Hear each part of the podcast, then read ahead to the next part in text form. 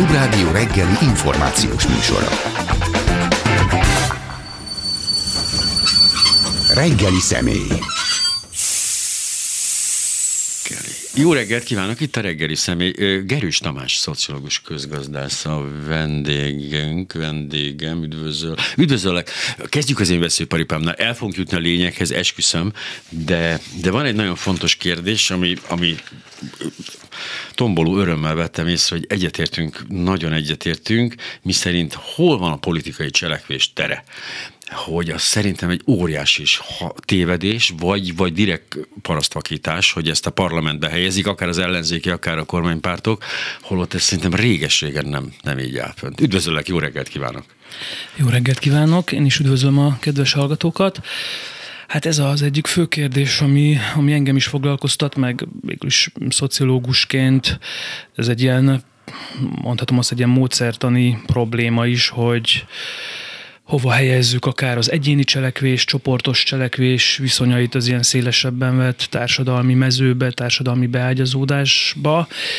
És hát eh, itt a rövid válasz, nyilván még adható erre hosszabb, bonyolult, kifejtendő válasz is, de most ugye a, a rövid válaszom az az, hogy a közhiedelemmel ellentétben ö, nem az a helyzet, hogy, hogy egy ilyen egyénnek, csoportnak, vagy akár szerveződésnek, mint egy kormánynak teljesen mindentől függetlenül lenne valamilyen totális autonómiája és, és szabad mozgástere és döntés hozatala, hanem ez mindig bele ágyazódik valamilyen kapcsolatrendszerbe.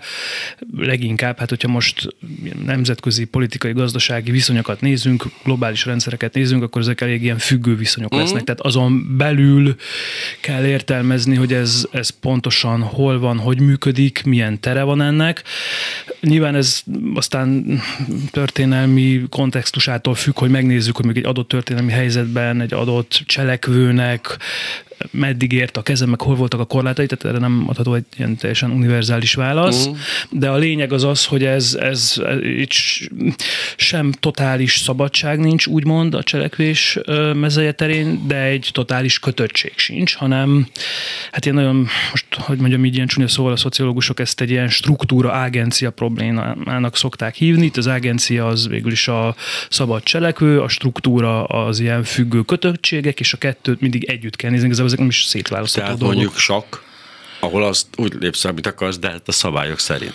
Igen, igen, ez egy, ez egy elég jó példa. Tehát van egy, van egy ilyen sakkmező, Aha. ahol szabályok vannak, négyzetháló van, tehát igazából nagyon rögzített, igen. hogy mit lehet csinálni. Ezen, ha tetszik, játékszabályokon belül hozhat az ember döntést. Annyiban egyébként nyilván a valóság bonyolultabb, hogy itt a szabályokat is a szereplők hozzák. Tehát, ez egy speciális tábla, igen. Itt valakinek egyen több vezére van, de ez mondjuk oké, okay, persze ez belefér.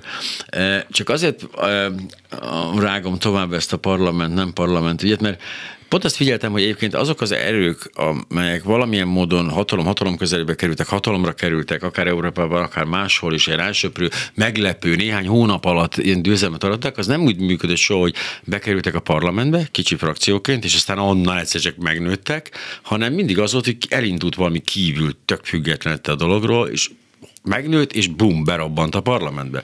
Sose volt fordítva.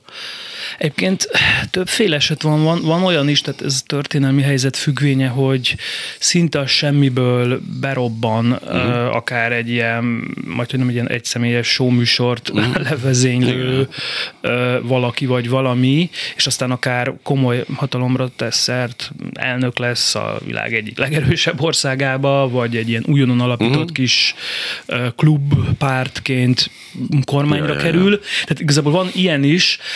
A, kérdés az, én inkább úgy fogalmaznám meg, hogy nem, nem, nem, nem, nem, ott, nem ott ér véget a sztori, hogy bekerült, meg hatalomra került, hanem igazából ott kezdődik a sztori, hogy mit, mit fog tudni tenni, mi lesz a sorsa egy ilyen, egy ilyen erőnek, vagy egy olyan erőnek, aminek valóban van valamilyen bázisa és, és társadalmi felhatalmazása és beágyazódása. Ez két különböző sztori, meg különböző irányokba megy, de nem egyik sztori sem egy irányú, tehát hogyha visszatérünk erre a struktúra agencia uh-huh. problémára, akkor az fog látszani, hogy mindig van egy ilyen inherens ellentmondás, mert a politikai mező, főleg, hogyha globális rendszerrel együtt nézzük, úgymond a saktáblának van egy ilyen nagyon sajátos logikája. És ez sokszor, sőt a legtöbb esetben ellentmondásba kerül azzal az autonóm igényel, vagy az, annak a társadalmi bázisnak a céljával, igényeivel, aminek a mondjuk így, hogy a farvizén bekerült uh-huh. a hatalom. És közben mindig az lesz a kérdés egy ilyen hatalomra jutás esetén már, amennyire most azt a szituációt veszük, hogy valaki hatalomra jut, hogy ezek között az ellentétes erők között hogyan fog evickélni. És az viszont elmondható, hogy ha nincs társadalmi bázis, ha nincs valamilyen jól szervezett, intézményesült hátország, akkor szinte biztos, hogy az a, az a kooptációs erő, annak a nagyobb mezőnek a logikája, az teljesen be fogja szívni ö, azt, a, az, azt az ágenset, vagy azt a cselekvőt, hát ez, aki... Tehát, ez klasszikus gravitációs probléma, hogyha igen. nagyobb az egyik bolygó, akkor arra fele fog menni ez a történet, ott nincs mese. Igen, igen, hívhatjuk ezt gravitációs problémának is, és akkor itt tényleg az van, hogy, hogy majd, hogy nem egyébként ideális esetben, vagy legalábbis egy, egy politikailag kivitelezhető helyzetben két ilyen gravitációs erő közé, vagy egy ilyen mezőbe uh-huh. fogja magát találni a, a politikai cselekvő, és hát ott kell tudni lavírozni, kompromisszumokat kötni. Hinta, hinta politika, igen, tehát ennek sok ilyen Igen, mert ez egy érdekes helyzet tulajdonképpen, mert a, a bármelyik jelző, tehát ezek az jelzők azért külön-külön jelentenek valamit, tehát hogy ilyenkor hogy képzeljük el ezt, ezt lehet úgy is mondani, hogy én itt vagyok ebben az erőtérben, és ez, ezzel és ezzel, és így, tehát hogy egy nyílt valami megmondani, hogy ezek hatnak, és akkor ebbe kell igazodnom, vagy lehet ezt, ezt elfedni az egészet, és azt mondani, hogy én a saját utamon járok egyedül, engem semmi sem befolyásol, és közben ugyanúgy megvívni ezek ezeket a dolgokat. De egy pillanatra térjünk már vissza a függőség, nem függőség dologra, mert hogy a névszabában jelent meg ez az interjú, ez nagyon fontos veled, ahol, ahol fejtegetett tulajdonképpen azt a problémát, hogy ez a mintha nem tudnánk erről a függőségről, vagy mintha nem beszélnénk róla, de én azt gondolom, hogy ez, ez folyamatosan ott van a, a közbeszédben. Ez egy, ez egy létező dolog, hogy hát ez van. Tehát, hogy nem hiszem, hogy volt olyan politikai erő, ami megpróbálta ezt bármilyen módon is eltagadni, vagy tehát kicsit, kicsit kevesebb hangsúly, nagyobb hangsúly, persze voltak rengeteg kövés, de ugye alapvetően ezt tudjuk.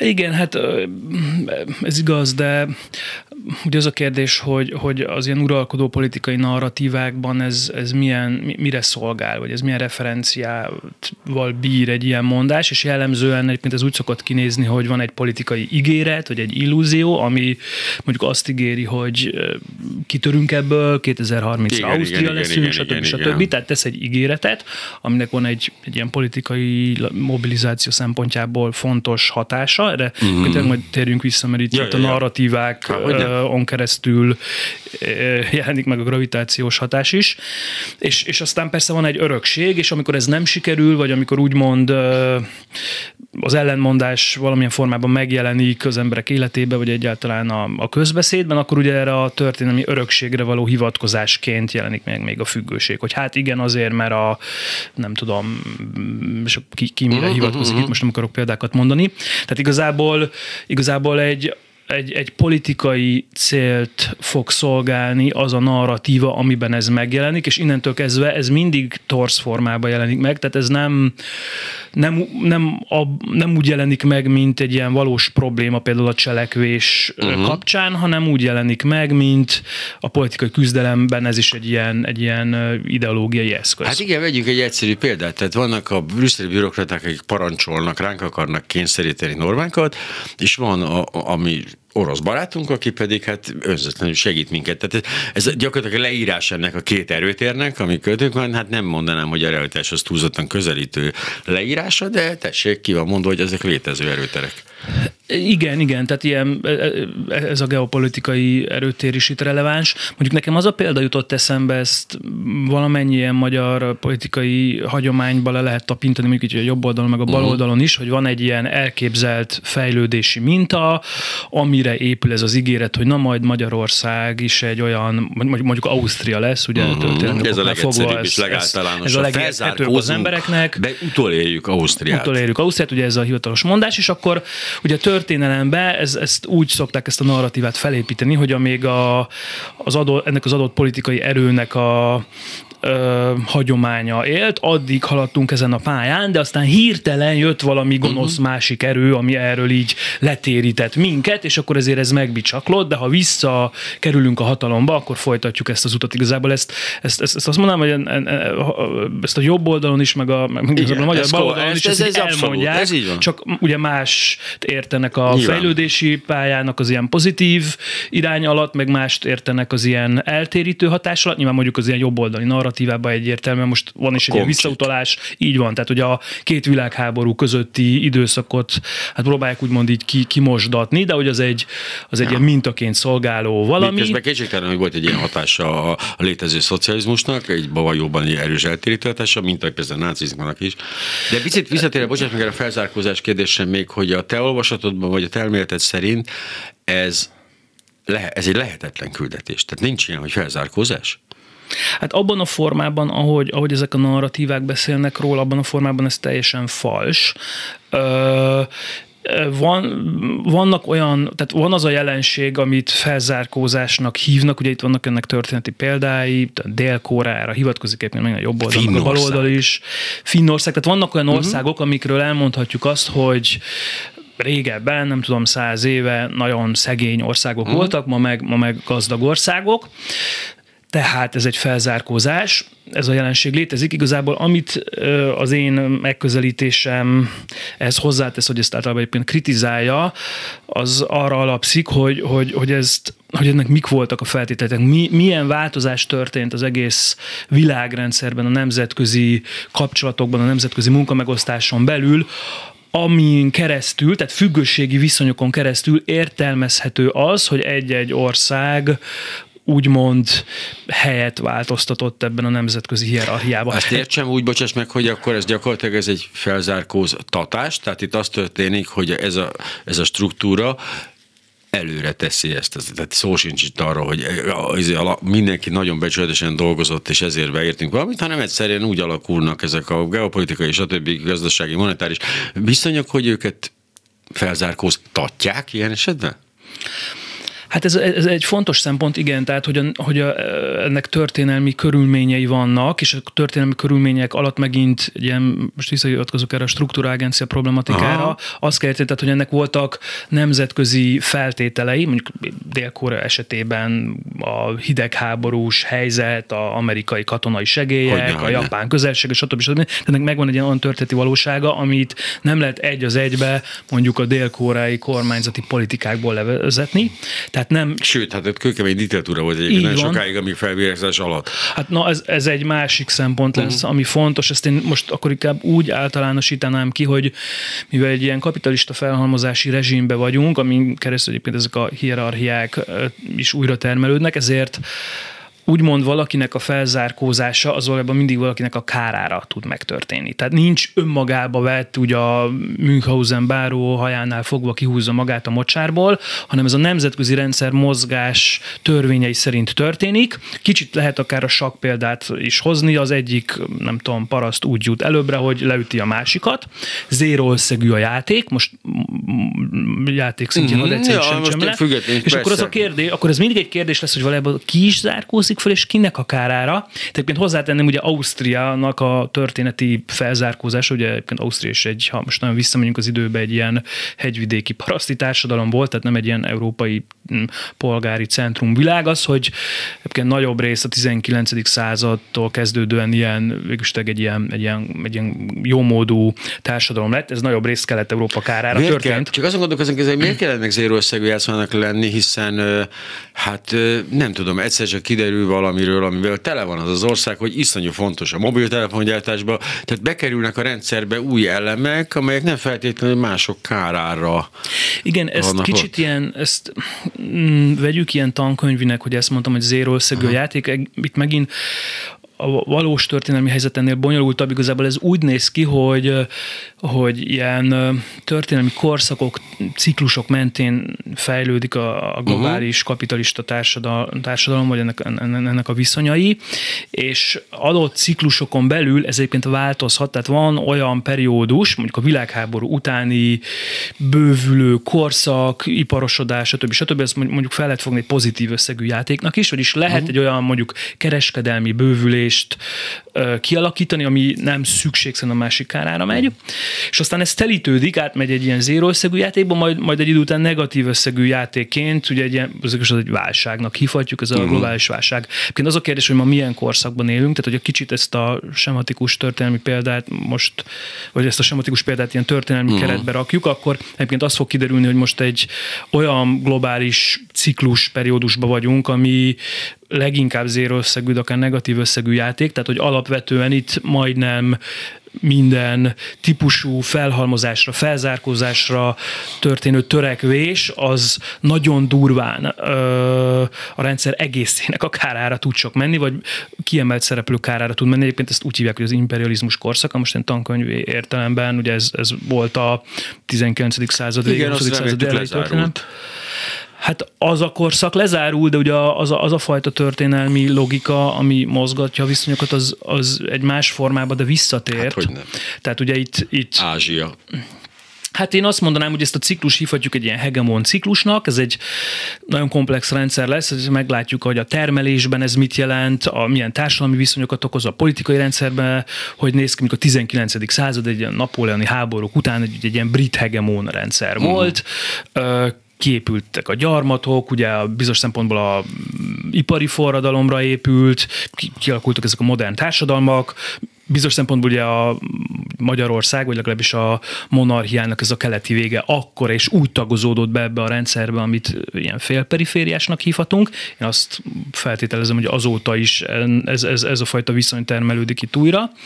És aztán ez szétesett, tehát ugye ez át, átlépett ebbe az imperializmus korszakába, és aztán lett egy új hegemon rendszer, ez a transatlanti amerikai hegemon berendezkedés, az nagyjából 45 után épült ki, bár igen, egy ilyen hidegháborús kontextusban, és most ez esik szét, tehát igazából megint egy, ha kicsit konkretizálhatom, egy olyan történelmi korban élünk, amiben az alapvető nemzetközi szabályok, az egyszerűen a saknak a szabályait meg nem fogadják el a játékban résztvevő szereplők, uh. és ilyen-olyan formában kereskedelmi eszközökön keresztül, vagy éppen háborús politikákon keresztül a saját javuk szerint próbálják ezt felülírni. Ugye be az átmeneti imperializmusban az a jellemző, hogy ez soha nem sikerül senkinek, tehát nem, nem, egyelőre nem látszik az, hogy valaki új szabályt írhatna, annyi látszik, hogy nem fogadják, egyre kevésbé de az, fogadják. A, de melyik nem sikerül betartatni a szabályrendszert, vagy, vagy kilépni ebben, mert hogy azért úgy tűnik, hogy sikerül kilépni. Új szabályok nincsenek ugyan, de ezeket a szabályokat meg tudják szegni.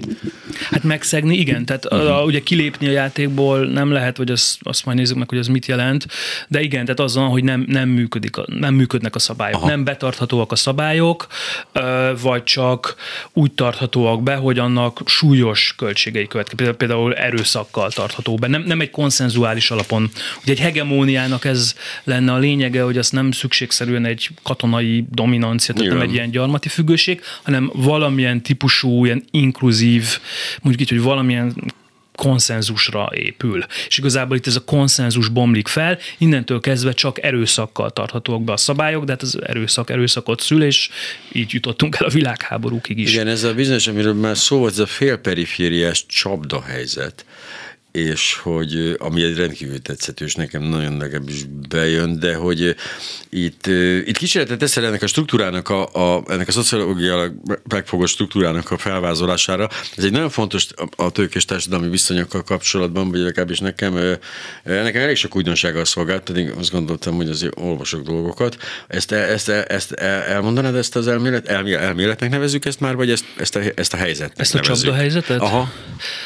Hát ez egy, igen, ez egy elmélet, egyébként sok ilyen megfogalmazás van, attól függ, hogy most melyiken iskolát veszük elő, ezt az ilyen közepes jövedelmű országok csapdájának is hívják. Ez most ilyen nagyon elméleti szinten azt jelenti, hogy valamilyen külső-belső okoknál fogva egy ilyen modernizációs pályán így megreked az adott társadalom, uh-huh. és, és hosszú ideig ott marad. Nem feltétlenül csúszik vissza, tehát nem periferizálódik, de nem is zárkózik fel, hanem egy ilyen a relatív pozíciója, mondjuk így, hogy ez a uh-huh. relatív jövedelmi helyzete, most a mi összehasonlításunkból fel a magyar, ja. magyar-osztrák ilyen fejlettségi távolság, az egy ilyen konstans állandó marad, ugye történelem sosem mondjunk olyat, hogy örökké, de hogy, hogy a belátható időhorizonton, Igen, hosszú időtávon ez, ez így van, és nem látszik, hogy mitől mozdulna el, illetve akik aztán ezzel az elmélettel foglalkoznak, nyilván azt, azt a kérdést próbálják megvizsgálni, hogy ez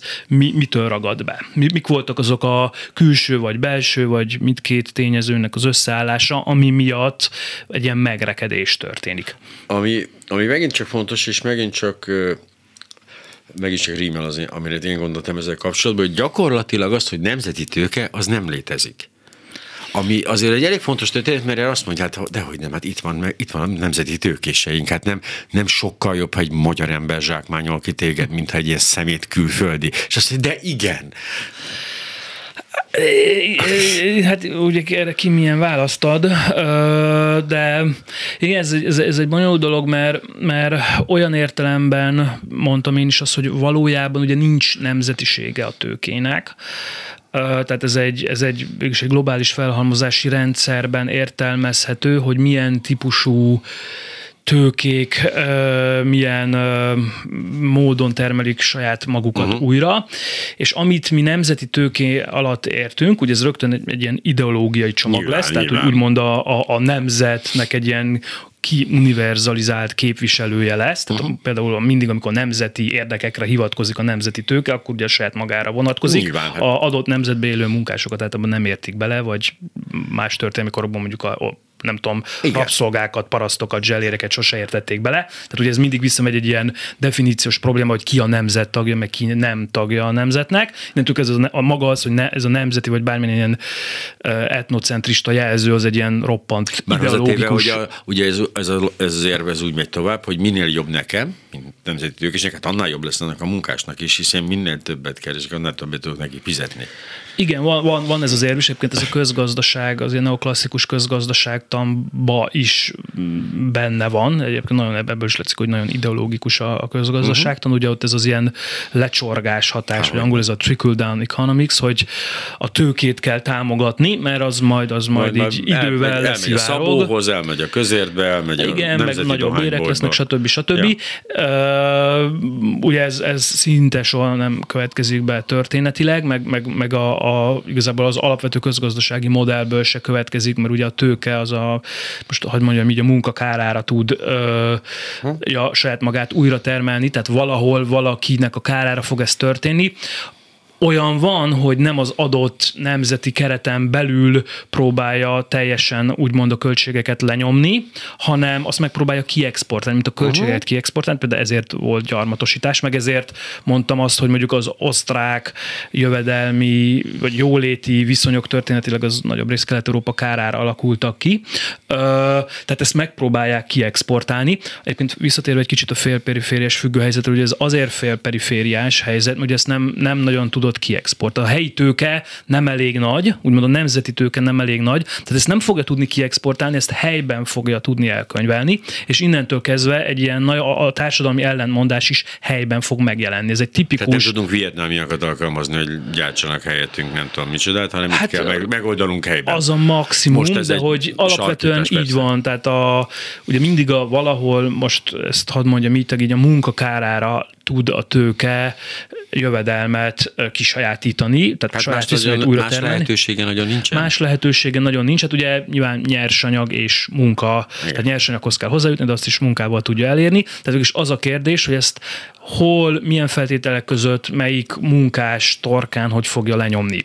Csak azt mondom, hogy történetileg van az a helyzet, hogy úgymond átmenetileg kiegyezik egy nemzeti keretbe például, vagy valamilyen ilyen imperialis keretbe az adott helyi munkás arisztokráciával, de akkor azt máshol mással fizetteti meg. Tehát ez, ez egy globális történet lesz. Na most a félperiférián jellemzően ha a munka szempontjából, és most nem a tőke szempontjából uh-huh. nézzük, akkor ez, ez itt mindig lecsapódik. Tehát a valójában ilyen jóléti kiegyezés az itteni munkával nincs, amit a nemzeti tőke egyébként csinálni tud, vagy ahogy be tud tagozódni a nemzetközi viszonyba, az mindig a helyi munkakárára történik. Lenne rá lehetőség egyébként? Mármint úgy hát jelen... nem csak elméleti, hanem hogy lenne rá lehetőség, hogy, hogy működőképes maradna, és közben történne egy ilyen kiegyezés. Hát nézzük meg, az mit jelentene. Tehát például Aha, mondjuk gyarmatosítana. Ja. Igen, hogyha ha, ha egy ilyen imperiál centrum ország tudott volna lenni a kis magyar tőke, és gyarmatosította volna úgy mondjuk a Balkánt, vagy a, nem tudom, a világnak valamilyen pontján, mint hogy a centrum országok tették, akkor nyilván ott olcsóbb nyersanyaghoz jutott volna hozzá, lett volna nagyobb piaca, és ö, jobb lehetősége lett volna Ez politikailag is a munkával. módszer, de belül Így van. egy ilyen zárt, mint nálunk, egy Hát úgy nincs, ezt mondom, tankönyvért. Nem lehet megoldani. Azt, hát az sehol nem lehet, mert a tőke a munka kárára tud ja, magát újra termelni, jövedelmet onnan tud kisajátítani, tehát hogyha ez egy helyben zárt rendszer uh-huh. lenne, akkor ezt sehol nem lehetne megcsinálni, ugye történetileg az egy hosszú folyamat volt, amíg ez globálisan összekapcsolódott, vagy úgy mondom, hogy globálisan vált zárt rendszerré. Amíg ez nem alakult ki, addig ugye a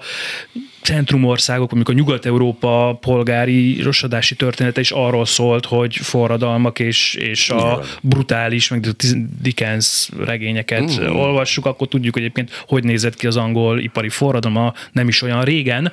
Tehát ez egy, ez, ez, ez egy nagyon hosszú folyamat volt, mire oda politikailag eljutott egy ilyen birodalom, hogy egyáltalán megvoltak például az ideológiai eszközei, a nemzet, nemzeti keret kialakító eszköze, meg voltak azok a geopolitikai eszközei, például gyarmatok, hogy valamilyen formában időlegesen koptálja a helyi munkának a csúcsát. Egyébként nem, az uh-huh. egész helyi munkát nem koptálta, nőket nem uh-huh. koptált, színesbőröket nem koptált, gyerekeket nem koptált, tehát egy a szervezet munkás arisztokráciát ideig óráig koptálta.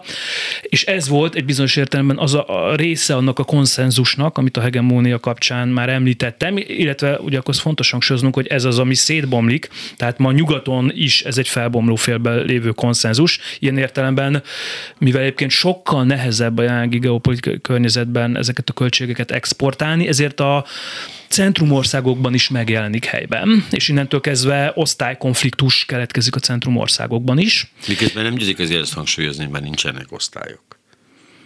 Hát, van, hát, hát tudom, hogy vannak, vannak, de hogy nem vannak, csak nem szóba valahogy. Na, az más kérdés, mert ugye ezt mondom, hogy ugye itt, itt, itt ilyen, ugye az egyik nagy ilyen találmánya a tőkének az volt, ez egy nagyon új találmány, 19. századi, hogy ilyen nemzeti kategóriákba mesélte el a saját együtt felhalmozás sírunk, történetét. Együtt nevetünk. Igen, igen, például. Csak valahogy mindig úgy azt teszem észre, hogy mikor nevetnek, akkor úgy elmennek arrébb nevetni egy kicsit, ilyenkor nem nevetek velük, de sírni Na, egy pillanat, Igen. bocsáss meg, csak a, de nagyon logikus fejlemény erre, hogy akkor azt mondjuk, hogy valóban ez egy önmagát nehezebb menedzselő rendszer, hát az államnak be kell avatkoznia. Na, arra meg láttuk a példát, az nem nagyon működött.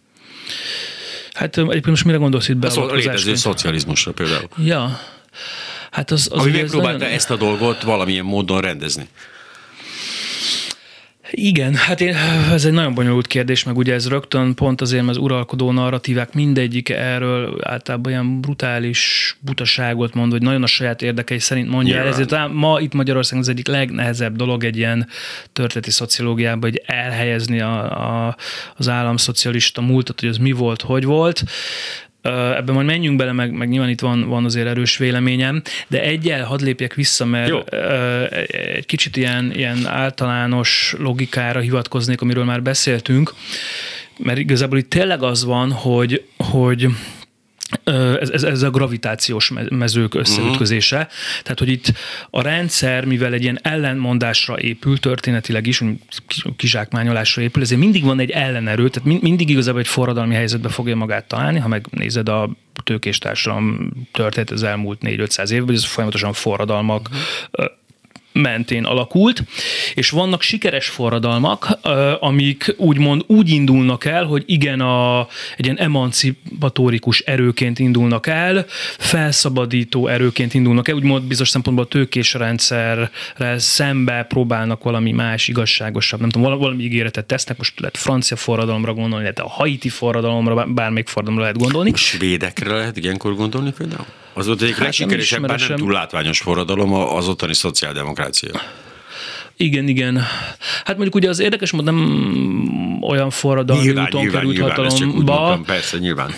Hát majd, majd térjünk vissza a skandináv oké. modellre, mert az egy, Jó. az, az, az egy speciális dolog lesz. Igazából arra akarok itt kiukadni, hogy a legtöbb forradalommal az történik, tehát ugye egy, ilyen, egy ilyen termidor lesz, tehát ahol igazából elkezd kooptálódni. Tehát hiába volt egy nagy felhajtó ereje, hiába volt egy ilyen rendszer ellenes erő benne, értsd ez alatt végülis egy, a, a, az emancipáció igényét, valójában ö, kooptálódott. Állatfarm. Igen, Orwell igen, igen, igen, az kicsit, kicsit erről szól, igen, igen. De, de, de ez a legradikálisabb, tehát tényleg mondjuk most, most a haiti forradalom, ami tényleg a belegondolsz, az egyik első ilyen nagy, ez a fekete, ez egy ilyen fekete köztársaságot kikiáltják az ilyen rabszolga tartó gyarmati társadalom csúcsát, ez, ez egy elég radikális cucc volt. Kicsit. Végül meg voltak ennek az okai, hogy miért és hogy, de valójában a Haiti is visszatagozódott, majd hogy nem egy ugyanolyan ültetvényes rendszerben, mint amiből a mm, spanyolok majd a franciák Mhm, létrehozták. Tehát Igazából kooptálódott, egy ilyen termidori állapotba került a forradalom, és valójában újra megjelentek a tőkés viszonyok. De így már feketék? Igen, igen, ny- nyilván egy csomó minden megváltozott. Például nem rabszolgasságon keresztül, Ja. máshogy szervezték a munkát, másfajta ideológiák, tehát hogy így változást is előidézett, de valójában a rendszer ellenes erő betagozódott a rendszerbe. A legtöbb forradalomnál ezt látjuk, na most igazából az államszocialista sztori is szerintem valami ilyesmiként indult, most, most nyilván nézzük meg a szovjetet, még igazából ott volt bolsevik forradalom, nálunk nem volt bolsevik forradalom, nálunk ugye azért a szovjet csapatok vonultak be, vagy hát tanács köztársaság nálunk is volt, de hogy alapvetően a, a szovjet sztoriból én ezt olvasom ki, hogy az egy forradalmi helyzet volt, egy rendszer, ugye az imperializmusnak a csúcs időszaka, hogy szétesett az a cári birodalom, és tényleg a munkások helyben átvették az igazgatást, ezt a bolsevikok összefogták, de ebből, ez is ez egy bonyolult sztori lesz, nem is vagyok én ennek a történeti szakértője, de végül is kiépült az a sztálini államszocialista rezsim, Illetve ami, ami, államkapitalista, Tamás Gáspár Miklós szerint, igen? igen, igen, igen, ez egy, ez egy, ez egy igen, igen na itt, van, itt, itt lesz, itt van egy ilyen vita erről, hogy ezt hogy is hívjuk. Ö, én is inkább arra hajlok, hogy ez, ez egy kapitalista rendszer volt, csak azért nem mondanám államkapitalizmusnak, mert ö, mm, is mondjam, mert bizonyos szempontból egyébként ö, forradalmasított egy csomó mindent Hogy? a társadalmi viszonyokba eltagadhatatlanul. Akkor Magyarországra gondoljunk azért az általános iskolázat, stb. Így van, így például. csomó olyan dolog volt, ami iszonyú fontos, Például. meg kellett Igen. lépni, és Hát anélkül ezt nem lehet egy az egybe így lekapitalistázni, úgymond, Nyilván, nyilván, mert, nyilván. mert a félperifériás kelet-európában ugye a kapitalizmus az gyakorlatilag egy, egy ilyen ö, tényleg ilyen, ilyen majd, hogy nem a feudális viszonyok újratermelését jelentett, egy ilyen agrár ö, nagyültetvényes Mhm. rendszer alakult ki. Na most ezt felszámolta. Igen, és általános orvosi ellátás volt, így van. oktatás, Nagyon sok mindent csinál, tehát volt egy olyan társadalmi mobilizációs ereje, ami miatt van ez a vita, és sokak azt mondják, hogy ezt egy az egybe államkapitalizmusnak hívni azért félrevezető, Igen. de államszocializmusnak hívni is félrevezető abban az értelemben, ha Ha azt tudjuk, ér- mit jelent a szocializmus, akkor tényleg nem, nem, igen, nem akkor írja nem le. volt, tehát hogy ez nem volt szocializmus, igazából ez a kapitalizmus termelte újra, de, be, de hozott olyan modernizációs vívmányokat, ami tek forradalmasította a helyi, helyi társadalomnak a, a, a, a, a helyzetét, kapcsolatait. Tehát ez egy ilyen furiság volt. Igen. Az, hogy furiság, az tényleg csak a lábjegyzetbe hadd mondjam, hogy ez, ez egy vita, ez a történészek között is vita, hogy akkor ezt hogy hívjuk, vagy ez mi volt. Itt a TGM nyilván így képvisel valamit, mm. ami, ami nem, nem, nem rossz, csak vitatható. Hát ez olyan, mint a posztszocialista maffia állam, vagy nem tudom, tehát Igen, definíciókat keresünk, inkább Jó, az mondjuk szerintem keresnünk, most, de ha így bemondhatom, az, az mondjuk szerintem, az szerintem hülyeség. Na, húha, húha, húha. Majd jó, mindjárt már elindult Magyar Bálint, jön a bajzbolütővel, de hogy, de miért hülyeség? Ez izgalmas. Jó kérdés. Mert ez a posztszocialista maffiállam, ez nekem úgy tűnik nyelvileg, tehát én abban az oldalról fogom meg, hogy ez úgy nagyjából definiál. Hát ez azért hülyeség, mert uh, nyilván mit hívunk maffiának, tehát megint ha, ha megnézzük a, a kapitalizmus kialakulás történetét, az sohasem egy üdv történet, tehát igen, az, az egy oligarchikus rendszert hoz létre, mindenhol egyébként, ha dél-koreai hivatkozott sztoriát, az egy brutális uh-huh. ilyen katonai diktatúrával megtámogatott ipari oligarchia volt, egyébként az amerikai kapitalizmus is valójában egy ilyen elég oligarchikus viszonyrendszer. Tehát akkor mm, itt az a kérdés, hogy mihez képest maffia, és itt ahogy én azt a könyvet olvasom, vagy olvastam, meg ahogy, ahogy én a, Magyar Bálint ott értem, ott, ott az a politikai állítás, hogy van a jó kapitalizmus, ugye mi elindultunk az úton, Magyarországon is igen, volt ez igen, a polgári igen, felzárkózás, igen, igen. csak aztán jött egy maffia, és hirtelen erről letérített. Mm-hmm. És szerintem ez, én ezzel nem értek egyet, mert valójában ugye én mm, úgy vitatkozom, én pont azt próbálom állítani, hogy nem, itt, itt ez a kapitalizmus, tehát itt nem egy ilyen hirtelen a kívülről jöttek a marslakók, vagy a maffia, nem, vagy nem, valaki, nem, nem. hanem itt igazából így, ez, ez, ez így alakult ki ebből a fejlődési modellből. Tehát most így nagyon leegyszerűsítve. Ez nagyon fontos különbség, tehát hogy azt mondod, hogy ez törvényszerű, az ilyen, ez a fajta, ugye ahogy ezt egyszer, egy nagyszerű interjúban egyébként, amit én készítettem, még a Tamás Gáspár mondta, hogy a rendszerváltáskor azt gondoltuk, hogy ide a klasszikus, kellemes, jó illatú kapitalizmus fog bejönni, amit látunk a skandináv modellben, például ideben, holott ide az nem jöhet be, eleve lehetetlen, hogy az jöjjön be, ide ez az emberpiacos moszkvateres kapitalizmus fog bejönni, mondta ő. De hogy a, a mafiállam, amit mondjuk értünk alatta, tehát ezt a fajta hivatalos szintre emelt korrupcióval jobban működtetett államot, azért ez, azt gondolom, hogy azért annál biztos van egy jobb kapitalizmus modell, ami esetleg nem lenne ennyire kínos.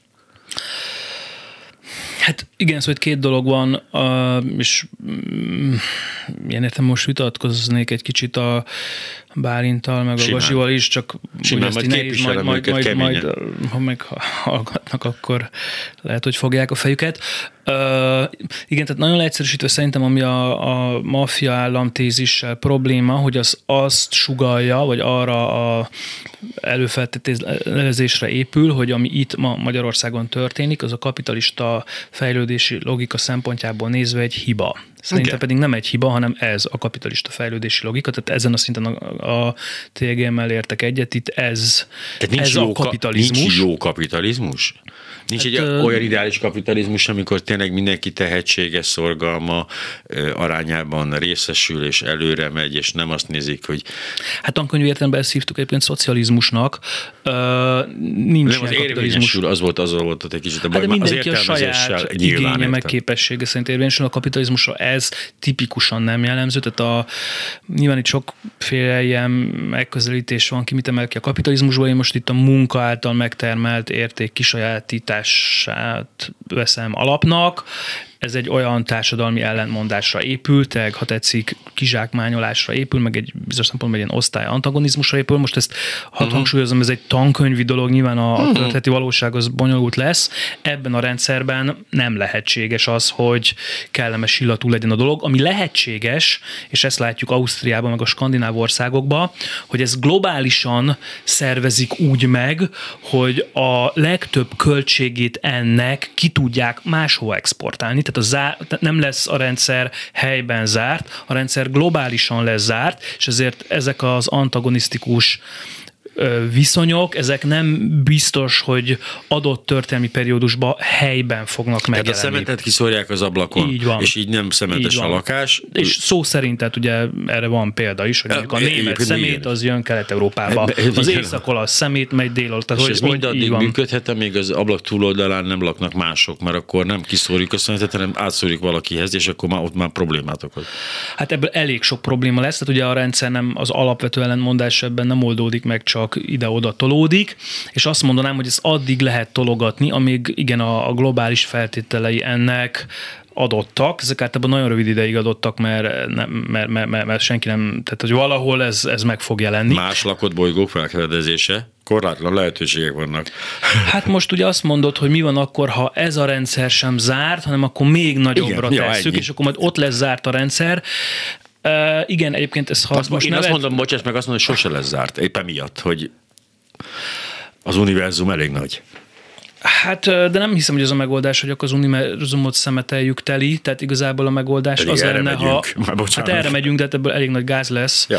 Tehát igazából a megoldás az lenne, ha ez az eredendő ellentmondás, úgy mondom, ami ebből a kizsákmányolásból következik, azt lehetne megoldani, és akkor azt helyben is meg lehetne oldani. Tehát itt jön be az, hogy igen, a kapitalizmus az egy ilyen re- rendkívül expanzív rendszer, ami folyamatosan felemészti a környezetét, pont azért, mert mindig ki kell, hogy tolja a saját újratermelésének a költségeit. Most egyébként egy olyan típusú válságban élünk, hogy amíg nem sikerül körbeszemetelnünk a, a naprendszert először, uh-huh. meg majd a galaxis, meg majd ki tudja, milyen léptékek vannak, addig helyben ez egy zárt rendszer marad, és ebben a zárt rendszerben elértük ennek a határát, nem tudjuk a költségeket hova tolni, és igazából az ökoszisztéma is esik szét. Tehát azért lássuk, hogy a, uh-huh. a klímakatasztrófa az nem egy természeti jelenség, hanem az egy társadalmi jelenség, az, az azt is a kapitalizmus. De ja.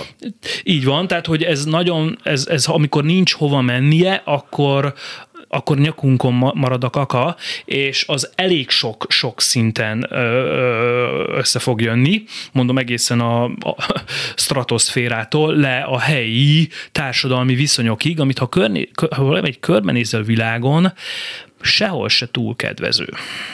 Igen, csak lehet rá mondani, hogy ez... Skandináviába sem, mert igazából a skandináv modell is szétesett, vagy elég erősen Igen, széteső félbe van valamiért. Ott is a munkás osztály jelentős része etnicizált, bevándorlókból áll, gettókból lakik, kizsákmányolt, ö, olyanok a körülmények, hogy tehát ki van szorítva a nemzeti konszenzusból, igazából most így magunk között fú rasszista a modell, és ebből igen, ilyen etno alapú, hát van, hogy ilyen külvárosi lázadásokig megy a dolog, hát ezt kigondolta volna, hogy igen. Így, a svéd modell az majd ebből áll, hát, hogy ö... pakisztáni bevándorlók gyújtogatnak, De és nem azért, mert őket nem szét. azért dolgoznak ők azon a pozícióban, mert pakisztániak. Hát meghirdettük, ők jelentkeztek. Tehát ez mindig az önfelmentés ebből szempontból. Meg a másik, hogy, hogy oké, okay, hogy, hogy akkor otthon marad a szar, és egyre nő, de azt mondjuk rá, hogy dekoráció. Tehát az is egy darabig működik, hogy ez nem az, amire te gondolod, jó, de az úgy hiszed, hogy büdös, de nem. De hogy, és mivel 13 percünk maradt, ezért szerintem forduljunk most rá arra a pillanatra, hogy megold, akkor mi a megoldás? A cselekvés kérdése. Aha. Hát nézd, nyilván most ilyen nagyon általános absztrakt szinten beszéltünk, ezt, ezt mindig nehéz így apró pénzre váltani. Ja, nem, én is azt gondolom, hogy most Magyarországon mi a megoldás. Tehát elméletileg mi a megoldás. Hát elméletileg, amire már utaltam, tehát nem lehet, nem lehet ezt jobban kifelé tologatni, meg befelé az emberek torkán le nyomni. Tehát ugye a kapitalizmus megoldását látjuk, az nem megoldás, mert az újra termeli a problémát, térben és időben próbálja eltolni a, centrum, tehát a tőkefelhalmozás központja felül a problémát részben egyébként ránk tolja a félperiférián, ez nem megoldás. Nyilván azt kell kitalálni, hogy hogyan lehet megszüntetni ezt az ellentmondást, ez a nagyon-nagyon absztrakt kiinduló pont. Ez helyben úgy tudjuk, tehát azért vannak jó cselekvések, amit mondtam, hogy, hogy, hogy mindig van egy ellenerő, mert hogy ugye ez az emberek kárára zajlik a felhalmozás. Uh-huh. A legtöbb ember életét egyébként fenyegeti, egészségét fenyegeti, jólétét, családját fenyegeti. Mondanám Itt ma Magyarországon is. megjelenik az a politikai erő, ami ezt képviseli. Oh, wait, nem. Hát az a, hát ugye nem biztos, hogy ezt rögtön egy politikai erőtől várnám, mert a politikai erő az a politikai logikát fogja követni, ami egy, egy hatalmi logika, és a meglévő narratívákat fogja használni a saját hatalmi céljaiból, ezért akik Magyarországon például ezt a elégedetlenséget vagy felháborodást elkezdik politikailag sik- sikeresen képviselni, tehát a narratívát sikeresen használják, az ugye a szélső jobb oldalról jön sajnos. Ez uh-huh. mutatja, hogy nincs jelendes baloldali politika, vagy, vagy nagyon kicsike még. Ezért ez egy problémás dolog, ezt nem, nem a politika felől fognám meg, hanem tényleg a, a cselekvésnek azon a szintje felől, ami, és is erre akartam kiukadni, úgy mondották a túlélésről szól. Tehát ami azt szervezi meg helyben, valamilyen közösségi szinten, hogy hogy, hogy egyszerűen megakadályozza a, a kizsákmányolás, vagy tompítsa, és mert, mert hogy az annyira durva tud lenni, meg főleg egy válságban olyan messzire tud menni, hogy tényleg emberek alapvető egzisztenciáját fenyegeti. És erre egyébként ez, ez nem, ugye nem, ugye nem kell nagy ilyen értelmiség, Ja. ilyen ideológiából fognak az emberek válaszolni, hanem itt, itt ösztönszerűen ilyen az emberek elkezdenek védekezni. Egyébként in, mi- minden forradalom innen jön, az nem úgy jön, hogy a nem tudom, Robespierre írt egy kiáltványt, hanem az Ja. mindig a egzisztenciális fenyegetettségből elkezdenek, ha tetszik bizonyos szempontból spontán az emberek Bár az van egy elmélet, miszerint a szegénység nem vált ki forradalmat, csak az átverés. Tehát mindig akkor volt a forradalom, amikor úgy érezték az emberek, hogy átverték őket, nem amikor kifosztották. De ez egy elmélet csak. Hát ugye nem vagy-vagy, tehát Nem, mind a kettő, az átverés az egy ideológia, a szegénység meg egy materiális Az a állapot. hírem van közben, csak hogy észrevettem, hogy még van összesen 30 másodpercünk. Kerekítsük Jó, le, jó, hát a le. cselekvés, cselekvés innen fog elindulni, hogy, hogy, hogy egyre nagyobb a baj, és azért egyre több olyan kezdeményezés fog jönni, nem a politika felől, hanem a helyi társadalmi erők felől, ami máshogy próbálja kialakítani a saját környezetét, és az majd egy jó politikai cél lehet, hogy ezt úgy összefogni, meg úgy képviselni, hogy az az egész rendszert is megreformálja. Hazudtam, négy percünk van, úgyhogy fel tudom tenni még azt a kérdést, hogy látsz ilyen jeleket? Mert én nem. Ma Magyarországon? Igen, van most Magyarországon. Hát látok, persze, tehát hogy Magyarországon én azt gondolom, hogy egy nagyon mély társadalmi válság van, és ezért nagyon sok olyan kis helyi kezdeményezés van, ami mondom nem azt a célt szolgálja, hogy rögtön a parlamentbe jusson, vagy, vagy forradalmat robbantson ki, de valami alternatív Hogy módon újra? Tehát szervezze. Hogy akkor fel akarom ismerni. Mozgalom. Aha, ö, ez létező valahol? Tehát Magyarországon Persze, jelenleg ma létezik ez, ez? Magyarországon komoly története van, tehát Az minden ilyen válság periódusban, a két világháború között is. Hangya szövetkezet, Például, igen, igen. jó. Ugye ez mindig probléma, egyébként az is egy kooptációs sztori lett egy idő után. De, de érdekes, mert, mert, mert egy, egy valós igényből nőtt ki, és aztán a rendszer használta föl. Tehát számos ilyen kezdeményezés van ma is Magyarországon. Egyébként most, és, és van politikai mozgalom is, tehát tényleg így, így én is azért optimista vagyok. Egyébként a, a, a, a, a nagyon durva választási eredmény ellenére például a, a Józsefvárosban a Szikra mozgalom szerintem egy jó kezdeményezés, tehát most valamit így, így politikai ilyen konkrétumot is mondjuk, hogy én mit látok, nem vagyok ennek a mozgalomnak egyáltalán része. értem, hogy miért gondolod, hogy jó, de azt is érted, hogy én amikor beszélek velük, hogy vagy, vagy hallgatom őket, mondom, hogy iszonyú balfékek. Tehát, hogy ilyen fú. Tehát, nem hogy, balfékek, hát ugye, is, hogy miért van. ugye az van, hogy, hogy, hogy egy ilyen gravitációs mezőbe vannak, tehát nyilván van a nagy politikai logika, és ők nem onnan jönnek, hanem ők valamilyen szintű társadalmi mozgalomból próbálnak kinőni, azt próbálják ki, képviselni. Onnan nézve egyébként szerintem nagyon ügyesek. Az, hogy aztán ez majd hogyan fog a nagy politikai mezőben érvényesülni, van bennem is szkepszis, meg, meg, meg, meg rosszak a történelmi tapasztalatok. Ha elmúlt 20 évet visszanéz, egyébként sok ilyen próbálkozás, olyan az LMP is egy ilyen próbálkozás Ja, volt, sőt, a, hát a- 4K, igen. tehát számos ilyen politikai próbálkozás volt, ami valamilyen társadalmi felhajtó erővel ment szembe a nagy politikai logikának, nem sikerült, erős a nagy politikában Az a biztos, és nem is erő. itt a, én nem is itt láttam a hibát, én a, a, ezek az általad említettek a bizonyos fokig naívak is voltak, de azt gondolom, hogy azért úgy éreztem, hogy azért képbe vannak, tehát alapfogalmak tekintetében. A szikránál ezt nem érzem, de oké. Okay. Szerintem de, de képbe vannak. Szerintem, szer- ö, egyébként nem ismerem őket nagyon közelről, tehát én is így, így, így a távolabbról nézem. Szerintem, szerintem képbe vannak, ö, és jó. az, hogy, az hogy, hogy ügyesek, ezt elsősorban most nem a feltétlenül fogalom használatukra gondoltam, hanem ügy, jól szervezik ezeket a társadalmi erőket. Azt nem, és nem az látok bele, fontos, az mondom, fontos. mélyen nem látok ebben bele. Az fontos, mert ami, ami honnan indult a beszélgetésünk, egy ilyen hátország nélkül a politikai mezőbe halott vagy.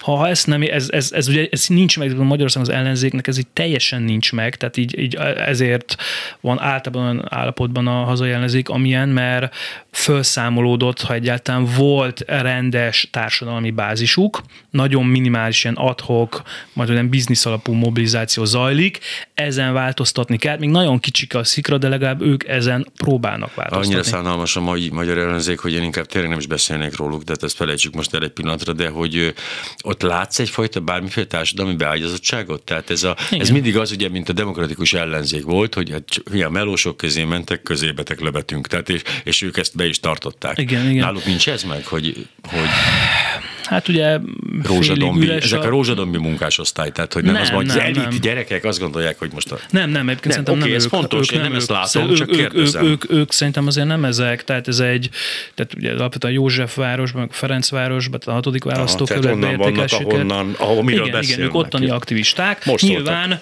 a, az egy kérdés, hogy, hogy tehát ez egy, ez van egy elit, tehát ez egy diák, Nyilván, diákok, nyilván, meg nyilván, újságírók, tehát ugye a Mérce főszerkesztője Jánbor Mhm. uh-huh. András, tehát ők fogták össze, de a helyi Józsefvárosi tehát munkásosztály, tehát egy nagyon-nagyon nehéz politika helyzetben, ugye a Józsefváros az nagyon így gentrifikálódik, nagyon durvá a tőkés logika, nagyon durva a fideszes ö, város, vagy városrészvezetés Igen, is, tehát o, ők ott mobilizáltak, nem, nem, nem És hát mondhatjuk, hogy sikereket értek el, legalábbis Jámbor tekintetében. Most viszont tényleg, na most jött el az a, az a pillanat, hogy tényleg Mennünk el, kell. el kell mennünk, de folytatjuk, csak önök nem fogják hallani. Gerős Tamás, szociológus közgazdász volt a vendégünk, és most jön, ami jön. Nem Köszönöm tudom, ide jön. szépen.